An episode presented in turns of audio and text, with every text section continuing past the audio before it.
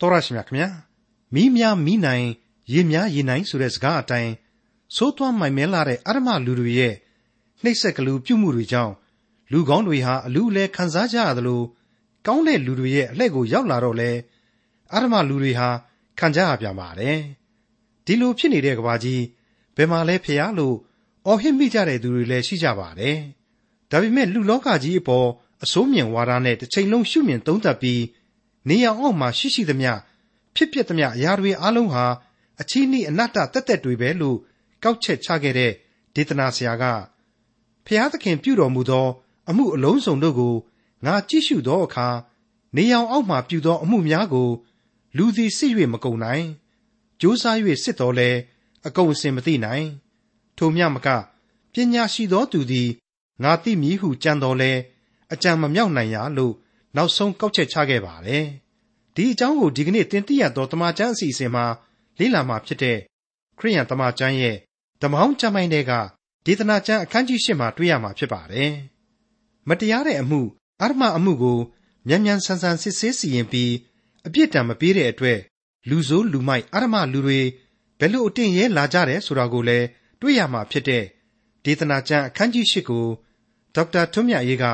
အခုလိုသုံးသပ်တင်ပြမှာဖြစ်ပါတယ်အနတ္တဝါဒကြီးကိုပဲထုံလိုက်မှုန်းလိုက်ဖာလိုက်ထေးလိုက်ဆိုသလိုဖြစ်နေတဲ့ဣသရေလရှင်ဘရင်ကြီးရှောလမုန်တယောက်ဟာဖြင့်ဒေသနာကျမ်းများနဲ့ကျွန်တော်တို့မိษွေတို့ကိုပညာတွေပြနေတယ်လို့ကျွန်တော်ထင်ပါတယ်သူဟာဒေသနာကျမ်းကိုစလိုက်ပြီဆိုတာနဲ့တပြိုင်နက်အော်အရာရာဟာအနတ္တကြီးပါပဲလားဆိုတဲ့အဆိုကြီးကိုတင်သွင်းနေပြီးတဲ့နောက်သူ့ရဲ့အဆိုကြီးမှန်ကန်ကြောင်းကိုဖော်ပြနိုင်ဖို့အတွက် သိပ္ပံအတတ်ပညာတွေနဲ့လည်းလောကကြီးကိုစမ်းသပ်စစ်ဆေးပြီးခဲ့ပြီအဲ့ဒီနောက်မှာတော့အဘိဓမ္မာအတွေ့အခေါ်တွေအသွေးအသားရမက်ခံစားမှုတွေဥပက္ခဝါဒတရားကြီးတွေကံစီမန်ရသာအဓိကခံယူရတယ်ဆိုတဲ့အယူအဆတွေယုံကြည်ကိုးကွယ်ခြင်းဤဗျူဟာတွေစီးစိမ်ဥစ္စာမာနတွေစသည်စသဖြင့်ဘက်စုံတက်စုံဖွင့်ပြီးတော့လောကကြီးမှာတောင်ပေါင်းစုံကနေအစုံအစိတ်ဘယ်နည်းဟာအကောင်းဆုံးနဲ့အပြည့်အဝဆုံးလောကသစ္စာကိုရှာတွေ့နိုင်မလဲဆိုပြီးတော့ ကွင်းစင်းစမ်းသပ်ကြည့်ရှုခဲ့တယ်ဆိုတာကိုကျွန်တော်တို့တွေ့ရပါတယ်နေအောင်အောက်ကလောကကဘာကြီးတဲ့သို့မြေကြီးသားတို့ရဲ့ထုံတန်းစင်လာပေါင်းအမျိုးစုံနဲ့စုံနေအောင်သူဟာလက်ပတ်ခဲ့ပြီးပြီးစမ်းသပ်ရှုကြည့်ပြီးခဲ့ပြီးပြီလို့လည်းဆိုလို့ရနိုင်ပါတယ်အဲ့ဒီမှာတင်သူတွေ့မြင်ခဲ့ရတဲ့တစ္ဆာတရားကတော့တခြားမဟုတ်ဘူးအရာရာဟာအနတ္တကြီးပါပဲခမညာတဲ့အဲ့ဒီတခုတည်းသောအနတ္တဆိုတဲ့အဖြေဖြစ်နေတာကိုကျွန်တော်နားနဲ့ဆက်ဆက်ကြားခဲ့ကြပြီးပါပြီ ပြီးခဲ့တဲ့အခန်းကြီး9ဟာဆိုရင်သူ့ရဲ့နောက်ဆုံးစမ်းသပ်ချက်အဖြစ်လူတဘာဝကျင့်စဉ်တွေနဲ့သူဟာသစ္စာတရားရှားပုံတော်ဖွင့်ခဲ့တယ်အဲ့ဒီလိုလောကသစ္စာတရားကြီးကိုရှာရင်းရှာရင်းနဲ့ဘုရားသခင်အလိုတော်ဆရာကိုပုံချတဲ့အခါချလိုက်လောကကြီးမှာရောရိမ့်လိုက်ဘာသာရိမ့်လိုက်နေလိုက်တာပဲကောင်းပါတယ်လေဆိုတဲ့လှေနံနှစ်ဖက်နင်းတဲ့ဝါရလူဘိန်းကြိုက်အဖြေတွေကိုထုတ်နှုတ်လိုက်သိလေပညာတရားတွေကိုရှာဖွေပြီးတော့ဖြောက်မှတ်ပြီးတော့မနေကြပါနဲ့ သိလေသိုးသွမ်းမနေကြပါနဲ့ကြားထဲမှာပဲအခြေအနေပေါ်မှာမူတည်ပြီးတော့ကြည်ကျက်လောက်တာကောင်းပါတယ်လေဆိုတာမျိုးတွေဖြစ်နေခဲ့တာကိုကျွန်တော်တို့ကြားခဲ့ရပြီးပါပြီနောက်ပိုင်းမှာကျတော့ငါအပါအဝင်ဘယ်သူမှမကောင်းပါဘူးလေဆိုပြီးတော့ပြောရကနေပြီးတော့ကိုယ့်ရဲ့ဘဝအတွေ့အကြုံတွေကိုပါရောပြုံဖော်ပြပြီးတော့သူ့ရဲ့ဒေသနာကျမ်းတဲကနေအောင်အောက်ကလူဘဝရှိရှိသမျှအနတ္တသာဖြစ်ကြောင်းဆိုပြီးတော့သူဖော်ပြပေးခဲ့တာတွေကိုကျွန်တော်ကြားနာခဲ့ကြပြီးပါပြီမိတ်ဆွေအပေါင်းတို့ အနတ္တနဲ့သာပြည့်နှက်နေတဲ့လူလောကကြီးထဲမှာမြင်မြင်သမျှအနတ္တလို့သာပြောနေကြတာပါအနတ္တလူသားကိုယ်တိုင်ဟာအဲ့ဒီအနတ္တကြီးပဲဆိုပြန်ရင်လေဘလောက်ဟုန်မှန်သိနေပြီမကြိုက်ပြန်သေးဘူးအနတ္တကြီးပဲဆိုရင်လေမဖြစ်ပြန်သေးဘူးလူစရာဟာအဲ့ဒီလိုပဲရိုးပြမြေခကြွေကြလို့အပြီးမှာလောကုတ်တရားအနာဂတ်ရေးလေးများမရှိရတော့ဘူးလားမရှိသင့်တော်ဘူးလားဆိုတာမျိုးကိုတွေးကြစမြဲဖြစ်ကြောင်းကိုကျွန်တော်မိษွေတို့ဟာဆက်လက်စဉ်းစားကြရပါပဲဟုတ်ပါတယ် အခုရှောလမုန်မင်းကြီးဟာလေအဲ့ဒီလိုပဲပေါ့အနတ္တကြီးပဲဆိုပြီးတော့သူ့ဘာသာသူအခိုင်အမာပြောတယ်ဒါပေမဲ့သိတော့စိတ်လုံဟန်မတူဘူးဒါကြောင့်ဘုရားသခင်ကိုကြောက်ရလန့်ရဒါကလေးတွေကိုပါမစွတ်မပုတ်ထက်သွင်းဖော်ပြတယ်ဘုရားသခင်လက်တော်ထဲမှာသာအရာရာဟာတည်နေတယ်ဆိုတာကိုဖော်ပြတယ်ဒါပေမဲ့ဘုရားသခင်ဟာပုံစံကွက်ကြီးတဲ့ကအာနာရှင်ကြီးလိုလိုကြောက်လန့်ဖို့ကြီးပဲလိုလိုအလိုတော်ကိုဝန်ခံဖို့လိုတယ်ဆိုတာမျိုးလိုလို ဟိုလိုလိုဒီလိုလိုဒီပဲအများဆုံးလွှမ်းမိုးပြီးတော့ဂျေဇုနဲ့ဂယုနာတော်အကြောင်းကိုတော့တလုံးတပါဒမှမဖော်ပြသေးတာကိုတွေ့နေရပါတယ်။ဒါပေမဲ့ကျွန်တော်အထက်ထပ်ပြောခဲ့တဲ့အတိုင်းပဲရှောလမုန်ဒေသနာတရားဆိုတာဟာနေအောင်အောက်ကလူဘဝကိုသာအရင်တီးပြီးတော့လူမျက်လုံးနဲ့ကြည့်တဲ့တရားဆိုတော့ဒီလောက်တော့ရှိရမှာပေါ့လေဆိုပြီးတော့ကျွန်တော်အရှိကိုအရှိအတိုင်းပဲလက်ခံအနတ္တတရားတွေထဲမှာဟာနေတဲ့ကွက်လက်တွေကိုခရစ်တော်ရဲ့ကယ်တင်ရှင်ယေရှုတော်နဲ့ဂယုဏတော်ဆိုတာကနဲ့ဖြည့်ဆွက်ပြီးတော့ အလွန်ကောင်းမွန်ပြည့်စုံတဲ့အ내ကတရားများအဖြစ်တိုးတက်ရှုမြင်သုံးသပ်နိုင်အောင်ကျွန်တော်အတတ်နိုင်ဆုံးတင်ပြပေးခဲ့ပါတယ်မိษွေတို့အပေါင်းဟာလေဝိညာဉ်တော်ဤလမ်းပြပို့ဆောင်ခြင်းကိုခံယူပြီးတော့ဒီသဘောတရားအတိုင်းခံယူနိုင်ကြလိမ့်မယ်လို့ကျွန်တော်မျှော်လင့်မိပါတယ်မိษွေအပေါင်းတို့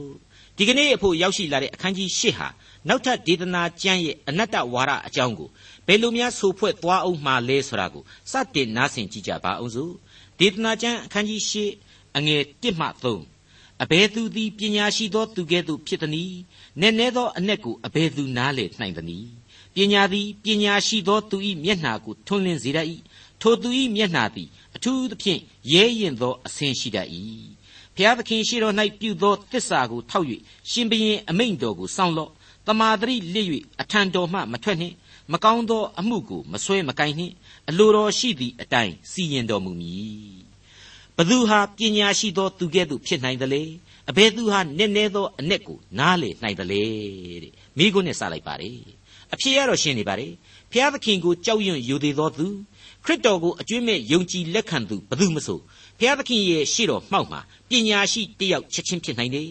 ဖျားသခင်ရဲ့နည်းနည်းသောနှုတ်ကပတ်တော်ကိုနားလေသိကျွမ်းလာနိုင်ပါတယ်အဲ့ဒီလိုဖျားသခင်ရှေ့တော်မှောက်မှာပညာရှိဆိုတဲ့အဆင့် တနည်းအားဖြင့်ကတော့ထာဝရဘုရားကိုကြောက်ရွံ့ယူသေးသောသဘောနဲ့ပြည့်စုံပြီးဆိုရင်ဘဝအသွေးအယောင်ဟာအလိုလိုတောက်ပြောင်လာစေရမယ်ဝိညာဉ်ရေးတတ္တိဒူးတွေလည်းအလိုလိုရှိလာစေရမယ်အဲ့ဒါတွေကိုအခုကျမ်းကတင်စားဖွဲ့ဆိုလိုက်တာကတော့ပညာသည်သူ၏မျက်နှာကိုထွန်းလင်းစေတတ်၏သူ၏မျက်နှာသည်ရဲရင်သောအစဉ်လေရှိလာတတ်၏ဆိုပြီးတော့ပြောလိုက်ခြင်းပါပဲနောက်ထပ်ဆက်ပြီးတော့ဖော်ပြပေးလိုက်တာကတော့ဘုရားသခင်ကိုအမှန်ချစ်ကြောက်ယူသေးတယ်ဆိုရင်ဘုရားသခင်ခန့်ထားတဲ့အစိုးရမင်းများရဲ့အမိန့်ကိုနာခံ ကောင်းရကောင်းကျိုးကိုသာပြုလုပ်ပါဆိုတဲ့အဓိပ္ပာယ်ပါဝင်နေပါတယ်အချုပ်အားဖြင့်ကတော့သမာဓိရှိစေဆိုတဲ့ဩဝါဒပါပဲဒေသနာကျမ်းအခန်းကြီး၈အငယ်၄ရှင်ဘရင်ဤအမိန့်တော်၌တကိုးပါ၏ကိုတော်သည်အဘယ်သို့ပြုသနည်းဟုအဘယ်သူဆိုရသနည်းစောစောပိုင်းကဖော်ပြလိုက်တဲ့ဘုရားသခင်ကိုကြောက်ရွံ့ရိုသေသူခရစ်တော်ကိုအကျွင့်မဲ့ယုံကြည်လက်ခံသူဟာကို့အထက်လူကြီးသို့မဟုတ်ကို့ကိုအုပ်ချုပ်သူနဲ့ပတ်သက်ရင်နားလေလွယ်တယ်နားလေမှုရှိတယ် ဒီလူကြီးရဲ့စီမှာဘုရားသခင်အနှင်းထားတဲ့အခွင့်အာဏာလည်းရှိနေတယ်ဆိုတာကိုအတိအမှတ်ပြုတယ်ဆိုတဲ့အဓိပ္ပာယ်ကိုဒီဒေသနာကျမ်းဟာဖော်ပြလိုက်ခြင်းပါပဲဒေသနာကျမ်းအခန်းကြီး၈အငယ်9မှ9အမိန်တော်ကိုစောင့်သောသူသည်ယာဇဝတ်နှင့်လွတ်လိမ့်မည်ပညာရှိသောသူ၏စိတ်နှလုံးသည်လည်းကာလအချိန်ကို၎င်းစီရင်ရသောအခွင့်ကို၎င်းသိမြင်တတ်၏လူကြံစီသမျှတို့အဖို့ကာလအချိန်နှင့်စီရင်ရသောအခွင့်ရှိ၏သို့တော်လည်းလူသည်အလွန်ဆင်းရဲခြင်းကိုခံရ၏ နောက်ဖြစ်လက်တန့်သောအရာကိုမသိအဘယ်သို့ဖြစ်လက်တန့်သည်ကိုတစုံတယောက်မျှမပြောနိုင်ရာမိတ်ဆွေအပေါင်းတို့ခမညာထာဝရဘုရားကိုကိုးကွယ်သူဟာဉာဏ်ပညာရှိတဲ့အတွက်ကြောင့်တမာတိရှိတယ်တမာတိရှိတယ်အကျိုးသင့်အကြောင်းသင့်တွေးတတ်ခေါ်တတ်တယ်ဒါပေမဲ့သူဟာလူတွေကလူသားဖြစ်တယ်ဆိုတာကိုကျွန်တော်တို့မမှိတ်မသုနားလည်ထားရမယ်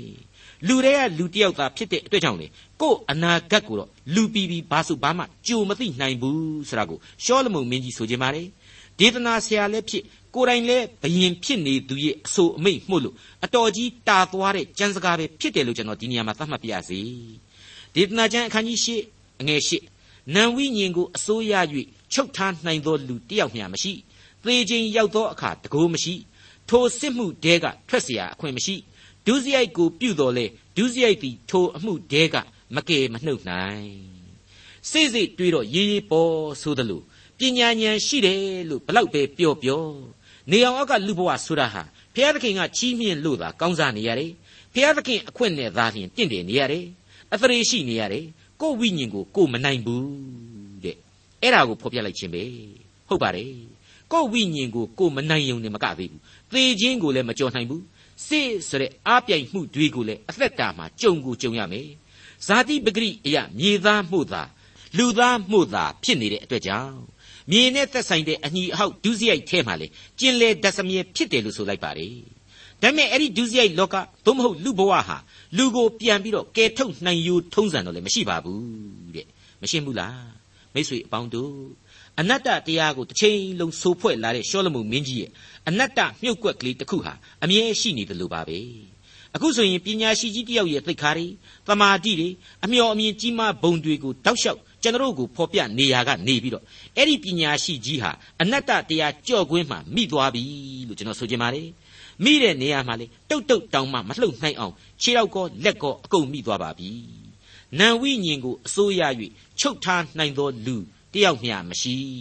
တဲ့ပြီးတဲ့နောက်ဆက်ဖော်ပြပါတယ် သေခြင်းရောက်သောအခါတကိုးမရှိထိုစစ်မှုတဲကထွက်เสียအခွင့်မရှိဒုစရိုက်ကိုပြုတော်လေဒုစရိုက်သည်ထိုအမှုတဲကမကယ်မနှုတ်နိုင်တဲ့ဒေသနာကျမ်းအခန်းကြီး၈အငယ်9နဲ့10ကိုဆက်လက်နားဆင်ကြကြပါစို့ထိုအမှုအရာအလုံးစုံတို့ကိုငါတွေ့မြင်ပြီးနေအောက်မှပြုလေသမျှတို့ကိုဆင်ခြင်ပြီးမိမိအကျိုးပြက်အောင်တယောက်ကိုတယောက်အုပ်ဆိုးရသောအချိန်လည်းရှိ၏ထိုမှတပါတန်ရှင်းရာအယတ်ဌာနတော်သို့တွာလာသောအတ္တမလူတို့သည် သင်ကြိုခြင်းခံရကြောင်းကို၎င်းအတ္တမပြုဘူးသောမြို့၌သူတို့ကိုအဘယ်သူမျှမအောင်မိကြောင်းကို၎င်းငါမြင်ပြီးထိုအမှုရာသည်လေအနတ္တဖြစ်၏မိတ်ဆွေအပေါင်းတို့ငါကိုတော့ပညာရှိကြီးဆိုပြီးတော့ဝိုင်းပြီးတော့ဖူးဖူးမှုတ်ထားတာကိုငါခံရပါတယ်အဲ့ဒီအချိန်မှာငါလည်းအဟုတ်ကိုမှတ်နေတာပါပဲတဲ့ငါကိုပညာရှိကြီးဟေးပညာရှိကြီးဟေးဆိုပြီးတော့လေမင်းတိုင်ပင်အမတ်ကြီးခန့်ထားတဲ့အစိုးရတွေကိုလေငါကသေသေးချာပြန်ပြီးတော့အကဲခတ်ပြီးကြည့်တယ် သေချာစဉ်းစားကြည့်လိုက်တော့အနုလုံပရိလုံတွေးကြည့်လိုက်တော့မင်းအစိုးရတွေဆိုတာဟာလေအခြေအနေအရဖြစ်ပေါ်လာကြတာပဲကို့ဒုက္ခကိုကိုရှာနေကြတာပဲတဲ့ဟောဒီနေရာမှာနောက်ထပ်ဟာသကြီးတစ်ခုပေါ်ပေါက်နေပြီလို့ကျွန်တော်တွေးတယ်ရဲစရာကောင်းနေပြီလို့ကျွန်တော်ခံယူပါတယ်ဟုတ်ပါတယ်မိမိအကျိုးကိုပြက်အောင်တယောက်ကိုတယောက်အုပ်ဆိုးရသောအချိန်လေးရှိ၏ဆိုတာဟာအဲ့ဒီအနှစ်သာရပါပဲဒီနေရာမှာအတော်ကြီးကိုအရေးကြီးတယ်ထင်တဲ့အတွက်ကြောင့်ကျွန်တော်ကသမိုင်းကြောင်းကိုပြန်ပြီးတော့လေ့လာသုံးသပ်မိပါတယ် နိုင်ငံရေးအမြင်အရှင်းမပါဝင်ပါဘူးဓမ္မသမိုင်းအမြင်သက်သက်နဲ့ပါကျွန်တော်လေ့လာပြီးခဲ့တဲ့သမိုင်းတစ်လျှောက်မှာပြန်ပြီးကြည့်မယ်ဆိုရင်လေဘုရားသခင်ကိုတော်တိုင်ဟာဓမ္မစက်နဲ့အုပ်ချုပ်ပေးခဲ့တဲ့အကြောင်းတွေ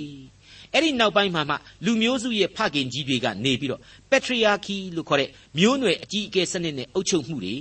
ပြီးတဲ့နောက်မှာတော့တရားသူကြီးလို့ခေါ်တဲ့စီရေးခေါင်းဆောင်တရားစီရင်ရေးခေါင်းဆောင်တွေဥဆောင်တဲ့ဥဆောင်မှုစနစ်တွေ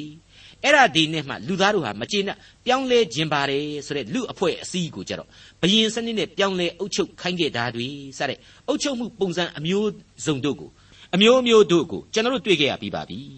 အမှတ်တမဲ့ဆိုရင်တော့ဒါဟာလူမျက်စိမှာအုတ်ချုပ်ရသူဆိုတာဟာသိဟန်ကြလှပြီစားသာလှပြီလို့ထင်စရာပဲပေါ့ဒါမဲ့အကုန်လုံးသောခေါင်းဆောင်တွေဆိုတာဟာဘုရားသခင်အလိုတော်နဲ့ပဲအာနာတက်ပြီးရတယ်ဘုရားသခင်အလိုတော်နဲ့ပဲသေကြရတယ်ပြုတ်ကြကြရဗျံတယ် အဲ့ဒီတက်တာမကသူတို့လိုတူးချင်းကိုအသာထားသူတို့စိုးမိုးတဲ့ခစ်ကြီးတွေကိုတောင်းမှကုံစီပျက်စီးစီအသစ်ပြောင်းလဲစီပြိုကျစီဆိုရင်ပြောင်းလဲပြိုကျရစမြဲပဲဖြစ်ပါလေပျက်စီးပေးရစမြဲပဲဖြစ်ပါလေဒါတွေကိုကျွန်တော်တို့ဟာသေသေးချာကြီးဓမ္မသမိုင်းမှာသဘောပေါက်ခဲ့ရပြီးပါပြီနားနဲ့ဆက်ဆက်ကြားနာခဲ့ရပြီးပါပြီဒါဆိုရင်အဲ့ဒီရာဇပလင်ကြီးတွေဆရာဟာလေလောကကဘာမြေကြီးအတွက်သာလျှင်ရွှေရောင်တောက်ပနေတဲ့အခွင့်ဝင်းဝင်းတောက်နေရတဲ့အခွင့် ပကာသနာဖြစ်နေရခြင်းအခွင့်ရှိနေတာတက်ထိုင်ရတဲ့လူအတွက်ဂုံယူစရာလည်းဖြစ်တယ်လို့ဆိုခြင်းဆိုလို့ရနေတာအောက်ကမော်ကြည့်ရတဲ့လူတွေအတွက်သာလေထူးခြားနေတာတရေကြခြင်းစရာကောင်းနေတာဘုရားသခင်ရဲ့ရှိတော်မှောက်မှာတော့ဘာဆိုဘာမှမဟုတ်ဘူးစိတ်စိတ်စဉ်းစားတွေးတောလိုက်ရင်အဲ့ဒီလိုမက်မောနေရတာဆွဲလန်းပြီးတော့တန်ရောစဉ်ဖြစ်နေရတာကိုကအဟုတ်မဟုတ်တော့ဘူးအဲ့ဒါဟာလေအနတ္တဘာလားဆိုပြီးတော့မြင်ကိုမြင်လာရမှာဖြစ်ပါလေမှန်ပါတယ် အခုဆိုရင်ကျွန်တော်ရှင်းပြတာကအသာထားအဲ့ဒီရာဇာပလင်ပေါ်မှာတက်ပြီးတော့နှစ်ပေါင်းများစွာအုပ်ချုပ်ခဲ့ပါတယ်ဆိုတဲ့ကာယကံရှင်ဘယင်ကြီးကိုယ်တိုင်ကပူညံပူညံနဲ့ဝန်ခံနေပြီအဲ့ဒီအတိုင်းပါပဲတန်ရှင်းရာဌာနတော်မှာဘုရားသခင်ကိုသွားပြီးတော့ဝတ်ပြုတဲ့လူမိုက်တွေမပူကြနဲ့ဘုရားသခင်ကိုဝတ်ပြုလို့ဆိုပြီးတော့မသေးဘူးမထင်နဲ့သေမှာပဲတဲ့ဒေသနာကျမ်းအခန်းကြီး၈အငယ်7မှ73အတ္တမအမှုကိုအလျင်အမြန်စစ်ကြော၍ဓမ္မပေးသောကြောင့် လူသားတို့သည်အတ္တမအမှုကိုပြုခြင်းဟာခိုင်မာစွာသဘောထားကြ၏အတ္တမလူသည်အကျင့်တရားတိုင်အောင်အတ္တမအမှုကိုပြု၍အသက်တာရှိတော်လေဘုရားသခင်ကိုကြောက်ရွံ့သောသူတို့သည်ရှေ့တော်၌ကြောက်ရွံ့သောကြောင့်ကောင်းသောအကျိုးကိုခံရကြမည်ဟုငါအမှန်သိ၏အတ္တမလူမူကားဘုရားသခင်ရှေ့တော်၌မကြောက်ရွံ့သောကြောင့်ကောင်းသောအကျိုးကိုမခံရအရေးနှင့်တူသောမိမိအသက်သည်လည်းမရှိရမိတ်ဆွေအပေါင်းတို့ခမညာ လူလောကကြီးရဲ့အနိဋ္ဌာယုံနောက်တစ်ခုပေါ်ထွက်လာပြီလို့ကျွန်တော်ဆိုချင်ပါတယ်ကျွန်တော်ပြောခဲ့တဲ့အတိုင်းပဲအလွန်အရေးကြီးတဲ့သမိုင်းသစ်အကွေ့အပြောင်းတွေမှာဘုရားသခင်ဟာအပြစ်ဒဏ်ကိုပြင်းပြင်းထန်ထန်စီရင်ခြင်းတွေရှိခဲ့ပါတယ်ကျွန်တော်ရဲ့မျက်မှောက်ကာလအပအဝင်ရှည်လျားတဲ့သမိုင်းကြောင်းကြီးအတွင်းမှာတော့ရေပုံရအဖြစ်ဘုရားသခင်ဟာလူအဖွဲ့အစည်းကိုသူ့ကိုယုံကြည်ကိုးကွယ်ဖို့သူ့စီကိုလာဖို့အချိန်ပေးနေသေးတယ်လို့ကျွန်တော်ခန်းစားမိပါတယ်ဟုတ်ပါတယ်အဲ့ဒီအချိန်ဟာမိษွေတို့ကျွန်တော်တို့မသေးခင်အချိန် ကျွန်တော်တို့မိษွေတို့ရဲ့ယခုလက်ငင်းအချိန်ဆိုတဲ့ကန့်သက်ချက်သာဖြစ်ကြောင်းမေ့ထားလို့မရပါဘူးသေရင်တော့သွားပါပြီကောရိန္သုဩဝါဒစာဒုတိယစာဆောင်အခန်းကြီး6အငယ်1မှာဗျာဒိတ်တော်အချက်ဟူမူကားနှစ်သက်ဖွယ်သောအချိန်၌သင်ဤစကားကိုငါနားထောင်မည်ကဲတင်ယာနေ့ရဲ့ကာလ၌သင်ကိုမဆပြီဟုလာသည်နှင့်အညီယခုပင်နှစ်သက်ဖွယ်သောအချိန်ရှိ၏ ယခုပင်ကဲတင်ယာနေ့ရဲ့ကာလရှိ၏ဆိုပြီးတော့တမန်တော်ကြီးရှင်ပေါလုရှင်းရှင်းလင်းလင်းဖော်ပြထားပါတယ်အခုအချိန်မှာတော့ရှောလမုန်မင်းကြီးကနေပြီးတော့လူသူတော်ကောင်းဟာလည်းအသက်တိုးနိုင်တယ်အသက်ရှည်ခြင်းလည်းရှည်နိုင်တယ်အရမလူဟာလည်းထို့အတူပဲရှည်ခြင်းရှည်မယ်အသက်တိုးခြင်းတိုးနိုင်တယ်ဆိုပြီးတော့လောကရဲ့အနတ္တတရားကိုသူမြင်ထားတဲ့အတိုင်းပဲကျွန်တော်တို့ကိုဖော်ပြပေးနေပါတယ်ကျွန်တော်တို့အဖို့ကယ်တင်ရာနေ့ရက်နဲ့ဘုရားသခင်ရဲ့ကျေးဇူးတော်အသက်လန်းဟာ အဲ့ဒီမရေမရာခြင်းတွေတဲကရေရာသေးကြခြင်းအဖြစ်ခံယူမှတ်သားထားကြပါစို့ဒေသနာကျမ်းအခန်းကြီး၈အငယ်၁၄မြေကြီးပေါ်မှာဖြစ်တတ်သောအနတ္တအမှုတပါးဟုမူကားအရမလူပြုသောအမှုကြောင့်ခံတိုက်သည့်အတိုင်းဖြောင့်မတ်သောသူအချို့တို့သည်အပြစ်ကိုခံရကြ၏ထိုနည်းတူဖြောင့်မတ်သောသူပြုသောအမှုကြောင့်ခံတိုက်သည့်အတိုင်းအတ္တမလူတို့သည်အကျိုးကိုခံရကြ၏ထိုအမှုအရာသည်လေအနတ္တဖြစ်သည်ဟု ငါသဘောရှိ၏မိษွေတော်တတ်ရှင်အပေါင်းတို့လုံးဝမငြင်းနိုင်တဲ့အဖြစ်ကျွန်တော်အဖို့နေ့တူဝတွေးလိုက်တိုင်းခေါင်းခဲစရာကြီးလို့အကြက်ရိုက်နေရတဲ့ပြဿနာအဖြစ်ပါပဲဒါကိုစောစောပိုင်းကကြမ်းတွေမှလည်းအခုလောက်သာမရှင်းခဲ့တာကျွန်တော်ဖော်ပြပြီးခဲ့ပါပြီရှောလမုန်မင်းကြီးရေးသားဆိုဖွဲ့ပြီးခဲ့ပါပြီ ဘုရားသခင်ရဲ့စီရင်တော်မူချက်တွေဟာကျွန်တော်ရဲ့90သားကန်အုံနှောက်နဲ့တော့ကဘာသာကုံသွားခြင်းကုံသွားမယ်ဘယ်တော့မှမှီအောင်တွေးဆကြံစီနိုင်မှာမဟုတ်ဘူးနားလေနိုင်မှာလည်းမဟုတ်တာအသေးချာပဲဖြစ်ပါတယ်ယောဘဝတ္ထုမှာကလေးကကျွန်တော်ဒီအချက်ကိုဖော်ပြပေးခဲ့ပြီးပါပြီအဲ့ဒီလိုကိုနားမလေနိုင်တာတွေအတွက်အနည်းဆက်ဆုံးအဖြေကိုကျွန်တော်ရှာပေးခဲ့ပြီးဖြစ်ပါတယ်လူလောကမှာလူသားတို့အမြင်အရမဟာသမုတ်တရားတွင်အနာသကန်းဆက်ရှိသည် အနန္တတကုရှိအလိုတော်နှင့်ဘုံတကူတော်မှမူအနာသကန်းဆက်အရှင်မရှိဆိုတဲ့အချက်ပဲဖြစ်ပါတယ်မိတ်ဆွေအပေါင်းတို့ခမညာဖျားသခင်နဲ့အလွန်ဝေးကွာလှမ်းနေတဲ့နေအောင်အောက်ကအနတ္တကဘာကြီးကိုအနတ္တတရားအဖြစ်သာကတိုင်းရှုနေတဲ့ရှောလမုန်မင်းကြီးတယောက်ဟာဖြင့်သူ့ရဲ့အနတ္တကဘာကိုဘယ်လိုသူရင်ဆိုင်မလဲဆိုပြီးတော့အခုလိုဆက်လက်ရှင်းလင်းဖော်ပြပေးလိုက်ပါတယ်ဒေသနာကျမ်းအခန်းကြီး၈အငယ်15နဲ့16ထိုအခါပျော်မွေ့ခြင်းအမှုကိုငါချီးမွမ်း၏ အကြောင်းမူကားလူသည်နေအောက်မှစားတော့ခြင်းပျော်မွေ့ခြင်းအမှုတည်းသာ၍ကောင်းသောအမှုမရှိနေအောက်မှဘုရားသခင်ပေးသနာတော်မူသောအသက်ကာလ၌ကြိုးစားအားထုတ်၍ရသောအကျိုးတို့တွင် ထိုအကျိုးကိုသာအမြဲခံရ၏လူချို့တို့သည်တနေ့နှင့်တညလုံးမအိပ်ဖဲနေတတ်သည်ဖြစ်၍ပညာတရားကိုသိခြင်းဟာ၎င်းမြေကြီးပေါ်မှပြုသောအမှုများကိုကြည့်ရှုခြင်းဟာ၎င်းငါသည်ကိုယ်နှလုံးကိုနှိုးဆော်၏ အခန်းကြီး9မှာတုန်းကဏိကုံးပိုင်းမှာဖော်ပြပေးခဲ့တယ်လို့ပဲဒီအနတ္တကဘာကြီးမှာလေပျော်စရာတွေကိုသာရှာစည်းစိမ်ဥစ္စာတွေနဲ့ပဲမွေ့လျော်ပျော်ပြီးရင်ပျော်နောက်ဆုံးကြပြန်တော့လေလျော်သလိုသာသေးအေးရောဆိုတဲ့အချက်ကိုတကြော့ပြန်ပြီးတော့လာတယ်လို့ကျွန်တော်မြင်မိပါတယ်ဒီအခန်းကြီး9အငယ်16မှ20မှဘယ်လိုဆိုခဲ့သေးတယ်ဆိုတာကိုမိษွေတို့မှတ်မိကြပါစားငါသိမြင်သောအရာဟုမူကား စားတော့ခြင်းအမှုနေအောက်၌ဘုရားသခင်ပေးတော်မူသောအသက်ရှိသမျှကာလပတ်လုံးကြိုးစားအားထုတ်၍ရသောအကျိုး၌ပျော်မွေခြင်းအမှုကိုပြုကောင်း၏လျှောက်ပတ်၏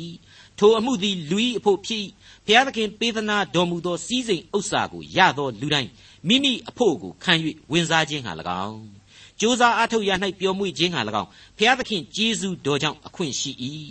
လွန်သောနေ့ရဲ့ကာလကိုများစွာမအောင်မရစိတ်နှလုံးရှင်လန်းသောအခွင့်ကို ဘုရားသခင်ပေးသနာတော်မူ၏တဲ့ဟုတ်ပါတယ်မိတ်ဆွေဘုရားသခင်ရဲ့ကျေးဇူးတော်ကိုဝန်ခံတယ်အဲ့ဒီကျေးဇူးတော်နဲ့အတူရှင်တွဲနေတဲ့သစ္စာတရားဆိုတာကိုတော့သူဘေးချိတ်ထားတယ်ဘာဖြစ်လဲဆိုတော့သူဟာအနတ္တလောကမှာအနတ္တအဘိဓမ္မာတွေကိုပဲသုံးပြီးတော့အနတ္တမျက်စိနဲ့သာစမ်းသပ်နေတော့ဒီအတိုင်းပဲဖြစ်ရပါလိမ့်မယ်ဒါဟာမဆန်းပါဘူးမိတ်ဆွေအပေါင်းတို့ခမညာကျွန်တော်အကြိမ်ကြိမ်ဖော်ပြပေးခဲ့တဲ့အတိုင်းပဲရှောလမုန်မင်းကတော့ရှောလမုန်မင်းတယောက်တည်းပဲလူကတော့တယောက်တည်းပဲ ဒါပေမဲ့ဘဝပုံစံကတော့နှစ်လွှာဖြစ်နေတယ်ခံယူချက်ဟာအနတ္တတရားဘက်ကိုကုသန့်နေလေတော့အဲ့ဒီလိုပျော်တယ်လို့နေလျော်တယ်လို့သေးဆိုတဲ့အတွေ့တွေအရေးတွေကိုရှောလမုန်ဟာတွေးခဲ့ရေးခဲ့ခြင်းပဲဖြစ်ပါတယ်တစ်ချိန်ကအ내ကတရားဖြစ်တဲ့ဘုရားသခင်ရဲ့မေတ္တာတော်အရေးမှကျင်လေပြီးတော့ဘုရားသခင်ကိုကြောက်ရွံ့ခြင်းသဘောတည်ပညာ၏အချုပ်အခြာဖြစ်၏လို့အ내ကတန်ဖိုးရှိတဲ့တရားကိုလက်ခံနာယူကျင့်သုံးခဲ့တဲ့ဝိညာဏလူသားကြီးဘဝမှာတုန်းကတော့ရှောလမုန်ဟာအခုလိုမဆိုခဲ့ပါဘူး လောကယတ္တကိုလည်းခံစားကြပါဖျားသခင်ကိုလည်းမှီဝဲစည်းကပ်ကြပါဆိုတာတွေ့ကိုတိုက်တွန်းနှိုးဆော်ခဲ့ပါတယ်ရေးခဲ့ပါတယ်သုတ်တန်ကျမ်းအခန်းကြီး24နဲ့အခန်းကြီး25ဏီကုန်းကိုကျွန်တော်ပေါင်းပြီးတော့တင်ပြရမယ်ဆိုရင်ငါသာပြားရည်ကောင်းသောကြောင့်စားလော့ချိုမိန်သောပြားလဖို့ကိုလည်းစားလော့ထို့အတူသင်တွေ့ရသောပညာတရားသည်စိတ်ဝိညာဉ်၌အရသာနှင့်ပြည့်စုံ၍သင်သည်မျှော်လင့်ခြင်းအကြောင်းမပြည့်ကောင်းသောအကျိုးကိုခံရလိမ့်မည်။ ပြားရည်ကိုစားကျူးလျင်မကောင်းတဲ့ကဲ့သို့ကိုယ်ဂုံအသရေကိုရှာလျင်ဂုံအသရေမရှိတဲ့။အဲ့ဒါဟာသုတ်တန်ကျမ်းအခန်းကြီး24တဲ့ကအငယ်73ရဲ့14ရဲ့သုတ်တန်ကျမ်းအခန်းကြီး25ရဲ့အငယ်28ရဲ့ကိုပေါင်းပြီးတော့တွေ့ရတဲ့သရုပ်ပါပဲ။လောကယသတွေကိုလေလူသားပြည်ပြီးခံစားပါဒါပေမဲ့ဘုရားသခင်၌လေမှီဝဲစည်းကပ်ကြပါ ပြားရည်တွေဖြစ်တဲ့လောကယသကိုကြီးပဲမှီဝဲနေမယ်ဆိုရင်ရေရှည်မှာအကျိုးမရှိဘူးတဲ့အဲ့ဒီလိုဖော်ပြထားခဲ့ပါတယ်အဲ့တော့လူရဲ့ဘဝဟာအဲ့ဒီလိုပဲမတူညီတဲ့သရုပ်ခွဲကြီးတွေနဲ့ပြုပြင်ပြောင်းလဲနေတတ်တယ်ဆိုတာကိုရှောလမုန်ရဲ့အသက်တာအဖြစ်ရှင်းရှင်းကြီးမသိတာတိုက်ဘူးလားမသိတာဘူးလားအတွေးအခေါ်အယူဆတို့ဟာလူတယောက်မှာအစဉ်တစိုက်ဖောက်ပြန်ပြောင်းလဲနေတတ်တယ်ဆိုတဲ့သဘောကိုတွေ့ရပါပြီကိုဟာနေအောင်အောက်ကအနတ္တတတ္တဝါလား ဒါမှမဟုတ်ရင်ကျေးဇူးတော်အရေးအောက်ကအ내ကတန်ဖိုးရှိသောတတ္တဝါလားဆရာဟာကိုကိုကိုစင်ကျင်နှလုံးသွင်းပြီးတော့ဘယ်တတ္တဝါဖြစ်ချင်တယ်လဲလို့ကိုကိုကိုမေးမြန်းစောကြောဖို့လိုနေပြီလို့ကျွန်တော်တိုက်တွန်းပြရစီဒေသနာကျမ်းအခန်းကြီး၈အငယ်၁၈ဖျားသခင်ပြုတော်မူသောအမှုအလုံးစုံတို့ကိုငါကြည့်ရှုသောအခါနေအောက်မှပြုသောအမှုများကိုလူသည်စိတ်၍မကုန်နိုင် ကြိုးစား၍စစ်တော်လဲအကုန်အစင်မသိနိုင်ထိုမြတ်မကပညာရှိသောသူသည်ငါသိမည်ဟုကြံတော်လဲအကြံမမြောက်နိုင်ရာမိတ်ဆွေအပေါင်းတို့ခမညာအခုအပိုင်းကရှောလမုန်မင်းကြီးရဲ့ဖော်ပြချက်ဟာသိပ်ပြီးတော့မဆိုးလှဘူးလို့ကျွန်တော်ဆိုချင်ပါတယ်ဟုတ်ပါတယ်ကျွန်တော်တို့နှစ်ချင်းခရိယန်တွေရဲ့ဓမ္မပီချင်းအမှတ်စဉ်25မှာကြည့်လိုက်မယ်ဆိုရင်ဘုံတော်ရှင်ဘရင်ကိုယ်ွယ်ကိုပြုကြတကိုးတော်ချစ်ချင်းချီးမွမ်းလျက်တည်ကြကွယ်ကာလျက်စောင့်မသောအရှင်ဖြစ်ပေ၏ ဘုံတော်နှင့်ပြည့်စုံလျက်ချီးမြှောက်ခံတတ်၏ကောင်းကင်ဘုံအလင်းပြည့်စုံသောဖျားအာနုဘော်တော်ကိုကြည်ညာလျက်ပြီးကြမိုးကြိုးသံနှင့်တူသောအမျက်တော်ထွက်သည်စီရင်တော်မူချက်သည်နည်းနည်းလှပေ၏ဆိုပြီးတော့တွေ့ရပါတယ်အဲ့ဒီလောက်ထိသူ့ရဲ့စီရင်တော်မူချက်တွေဟာနည်းနည်းပြီးတော့နေလေတော့အနတ္တလူသားတွေကမှပညာရှိလှပါတယ်ဆိုတဲ့လူကြီးဟာလေဘုရားသခင်အကြောင်းဘုရားသခင်ရဲ့စီရင်တော်မူသောအမှုတို့အကြောင်းတွေကိုနားမလည်နိုင်ဘူးဆိုတာဟာဘာလို့ဘာမှမဆန်းတော့ပါဘူး ဒါကိုရှောလမုန်မင်းကြီးဟာဝန်ခံတဲ့နေရာမှာစ조사၍စစ်တော်လေအကုန်အစင်ငါမသိနိုင်ထိုမြတ်မကပညာရှိသောသူသည်ငါသိမည်ဟုကြံတော်လေအကြံမမြောက်နိုင်ရာဆိုပြီးတော့ဖော်ပြပေးလိုက်ပါတယ်မှန်ပါတယ်မိတ်ဆွေသမိုင်းတစ်ခွင်မှာများစွာသောဓမ္မပညာရှင်တွေအားဖြင့်နှုတ်ကပတ်တော်ကဖော်ပြနေတဲ့တစ္ဆာတရားတွေကိုအတော်များများကြီးကိုသိနိုင်ပါတယ်နားလည်နိုင်ပါတယ်ဘုရားသခင်သိစေခြင်းလို့သိခွင့်ပေးခဲ့တဲ့လောက်ကိုကျွန်တော်တို့သိကျွမ်းနားလည်ရခြင်းလည်းဖြစ်ပါတယ် အကုန်အစင်မသိနိုင်လို့တော့ဝန်ခံကြမှာဧကအမှန်ပါပဲငါတို့သိရအောင်ဘလောက်ပဲကြိုးစားကြမည်ဆိုပါတော့လေအကြံမမြောက်နိုင်ပါဘူးရဲ့လို့ရှောလမုန်မင်းကြီးဖော်ပြပေးလိုက်ပြီမဟုတ်ဘူးလားကြိုးစား၍စစ်တော်လဲအကုန်အစင်မသိနိုင်ထိုမြမကပညာရှိသောသူသည်ငါသိမည်ဟုကြံတော်လဲအကြံမမြောက်နိုင်ရတဲ့ကိစ္စမရှိပါဘူးမိတ်ဆွေသိနာလေရတဲ့၍နဲ့ပဲပြည့်စုံလုံလောက်ပါတယ် ဘာဖြစ်လဲဆိုတော့ကျွန်တော်အနန္တလူသားတိုင်းမျှော်လင့်တောင်းတနေတဲ့သာဝရအသက်လမ်းကြောင်းရဲ့တည်ရှိခြင်းအနန္တတကုရှင်ရဲ့ကယ်တင်တော်မူခြင်းကျေးဇူးတော်နဲ့ဂရုနာတော်ရဲ့တည်ရှိခြင်းဆိုတဲ့အရေးအကြီးဆုံးသစ္စာတရားတွေကိုကျွန်တော်သိနာလေရပြီမို့လို့ဒီအသက်တာဟာပြောတော့တာအနတ္တတန်ဖိုးအ내ကကြီးမားလှပြီလို့ခံယူနိုင်ကြပါပြီ ရှစ်ခုမြောက်သောဆာလံတီချင်းမှာဒါဝိမင်းကြီးဟာအခုလိုဘုံတော်ဘွဲ့ကိုစတ်ဆုပ်ပေးခဲ့ပါတယ်စိစိနားထောင်ရင်းနဲ့လူပေါင်းရဲ့တန်ဖိုးကိုနားလေလူဖြစ်ရခြင်းရဲ့ဝမ်းမြောက်ခြင်းအခွင့်ကိုရှာဖွေတွေ့ရှိနိုင်ကြပါစေလို့ဆုတောင်းပေးလိုက်ပါတယ်။အိုးကျွန်ုပ်ဤဖျားရှင်ထာဝရဖျား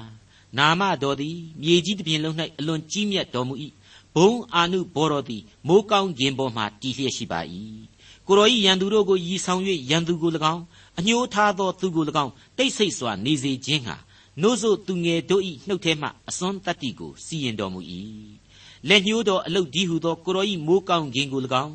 ပြင်ဆင်တော်မူသောလနှင့်ကြယ်များကို၎င်းအကျွန်ုပ်ဆင်ခြင်တော်လူသည်အဘယ်သို့သောသူဖြစ်၍ကိုတော်သည်အောက်မေ့တော်မူရသနည်းလူသားသည်အဘယ်သို့သောသူဖြစ်၍အကြည့်အရှုကြွလာတော်မူရသနည်းသူကိုကောင်းကင်တမန်တို့အောက်၌အနည်းငယ်နှိမ်တော်မူပြီး သူသူဤခေါင်းကိုဘုံအသရေနှင့်ပိုက်ရတော်မူပြီဖန်ဆင်းတော်မူသောအရာများကိုအုပ်စိုးစေ၍သိုးနွားအစရှိသောမြေတရိษံမိုးကောင်းကင်ငှက်ပင်လယ်ငါးနှင့်ပင်လယ်လန်း၌သွားရသောတရိษံမှစ၍ခသိန်းသောအရာတို့ကိုသူ၏ခြေအောက်၌ချထားတော်မူပြီ။အိုးအကျွန်ုပ်တို့၏ဖျားရှင်ထာဝရဖျားကိုတော်ဤနာမသည်မြေကြီးတစ်ပြင်လုံး၌အလွန်ကြီးမြတ်တော်မူသည်။ကျေးဇူးတော်ကိုချီးမွမ်းခြင်းနဲ့ဆုတောင်းကြပါအောင်စို့။ ကောင်းကင်ဘုံ၌ရှိတော်မူ၍ကျွန်တော်တို့တူတယောက်စီတို့ကိုချစ်တော်မူသောကျေးဇူးရှင်ဖခင်ဆရာဘုရားသခင်ကိုတော်ရှင်ပြုတော်မူသောကျေးဇူးတော်များကိုကျေးဇူးတော်ချီးမွမ်းခြင်းနှင့်ဆုတောင်းခွင့်ကိုပေးသနာတော်မူသောကြောင့်ကျေးဇူးတော်ကိုချီးမွမ်းပါ၏။အိုးဖခင်ဆရာဘုရားသခင်ဒေသနာကျမ်းများဤအလွန်နဲ့ဆိုင်ခက်ခဲလှသောအနတ္တတရားများကိုဆင်ခြင်နှလုံးသွင်းရတွင်ကိုရရှင်သိစေလိုသောကိုရရှင်ကယ်တင်ခြင်းကျေးဇူးတော်နှင့်ကျေးဇူးနှင့်ဂရုဏာတော်ဤသဘောကိုကျွန်တော်တို့သည်ထည့်သွင်းစဉ်းစား၍အနတ္တတရားမှသည် အ내ကတန်ဖိုးမဖြတ်နိုင်သောတရားများအဖြစ်တန်ရှင်းသောဝိညာဉ်တော်ဤခွန်အားကိုအသုံးပြုရယူနိုင်သောသူများဖြစ်ဖို့ရန်ကျွန်တော်တို့တူးစီတို့ကိုကောင်းကြီးပေးတော်မူပါရှေ့ဆက်ရမည်သင်ခန်းစာတစ်ခုစီတို့အပေါ်မှာလေပြင်ဆင်ရသောကျွန်တော်အပေါ်မှာတော်၎င်းနာတော်တဆင်ကြသောမိတ်ဆွေတော်တရှင်များအားလုံးတို့အပေါ်မှာတော်၎င်းကိုတော်ရှင်လမ်းပြမဆသနာတော်မူပါမည်အကြောင်းသားတော်ရှင်သခင်ခရစ်တော်၏မဟာနာမတော်ကိုအမိပြု၍အလွန်ယိုသည်လေးမြတ်ခြင်းဖြင့်ဆုတောင်းအသနာခံဝန်ပါသည်ဖဖျားအာမင် ဒေါက်တာထွန်းမြတ်ရေးစီစဉ်တင်ဆက်တဲ့တင်ပြတော်တမချန်းအစီအစဉ်ဖြစ်ပါတယ်နောက်တစ်ချိန်အစီအစဉ်မှာခရိယန်တမချန်းရဲ့ဓမ္မဟောင်းကျမ်းပိုင်းတွေကဒေသနာကျမ်းအခန်းကြီးကိုအခန်းငယ်1ကနေအခန်းငယ်30အထိကိုလေ့လာမှာဖြစ်တဲ့အတွက်စောင့်မျှော်နားဆင်နိုင်ပါတယ်။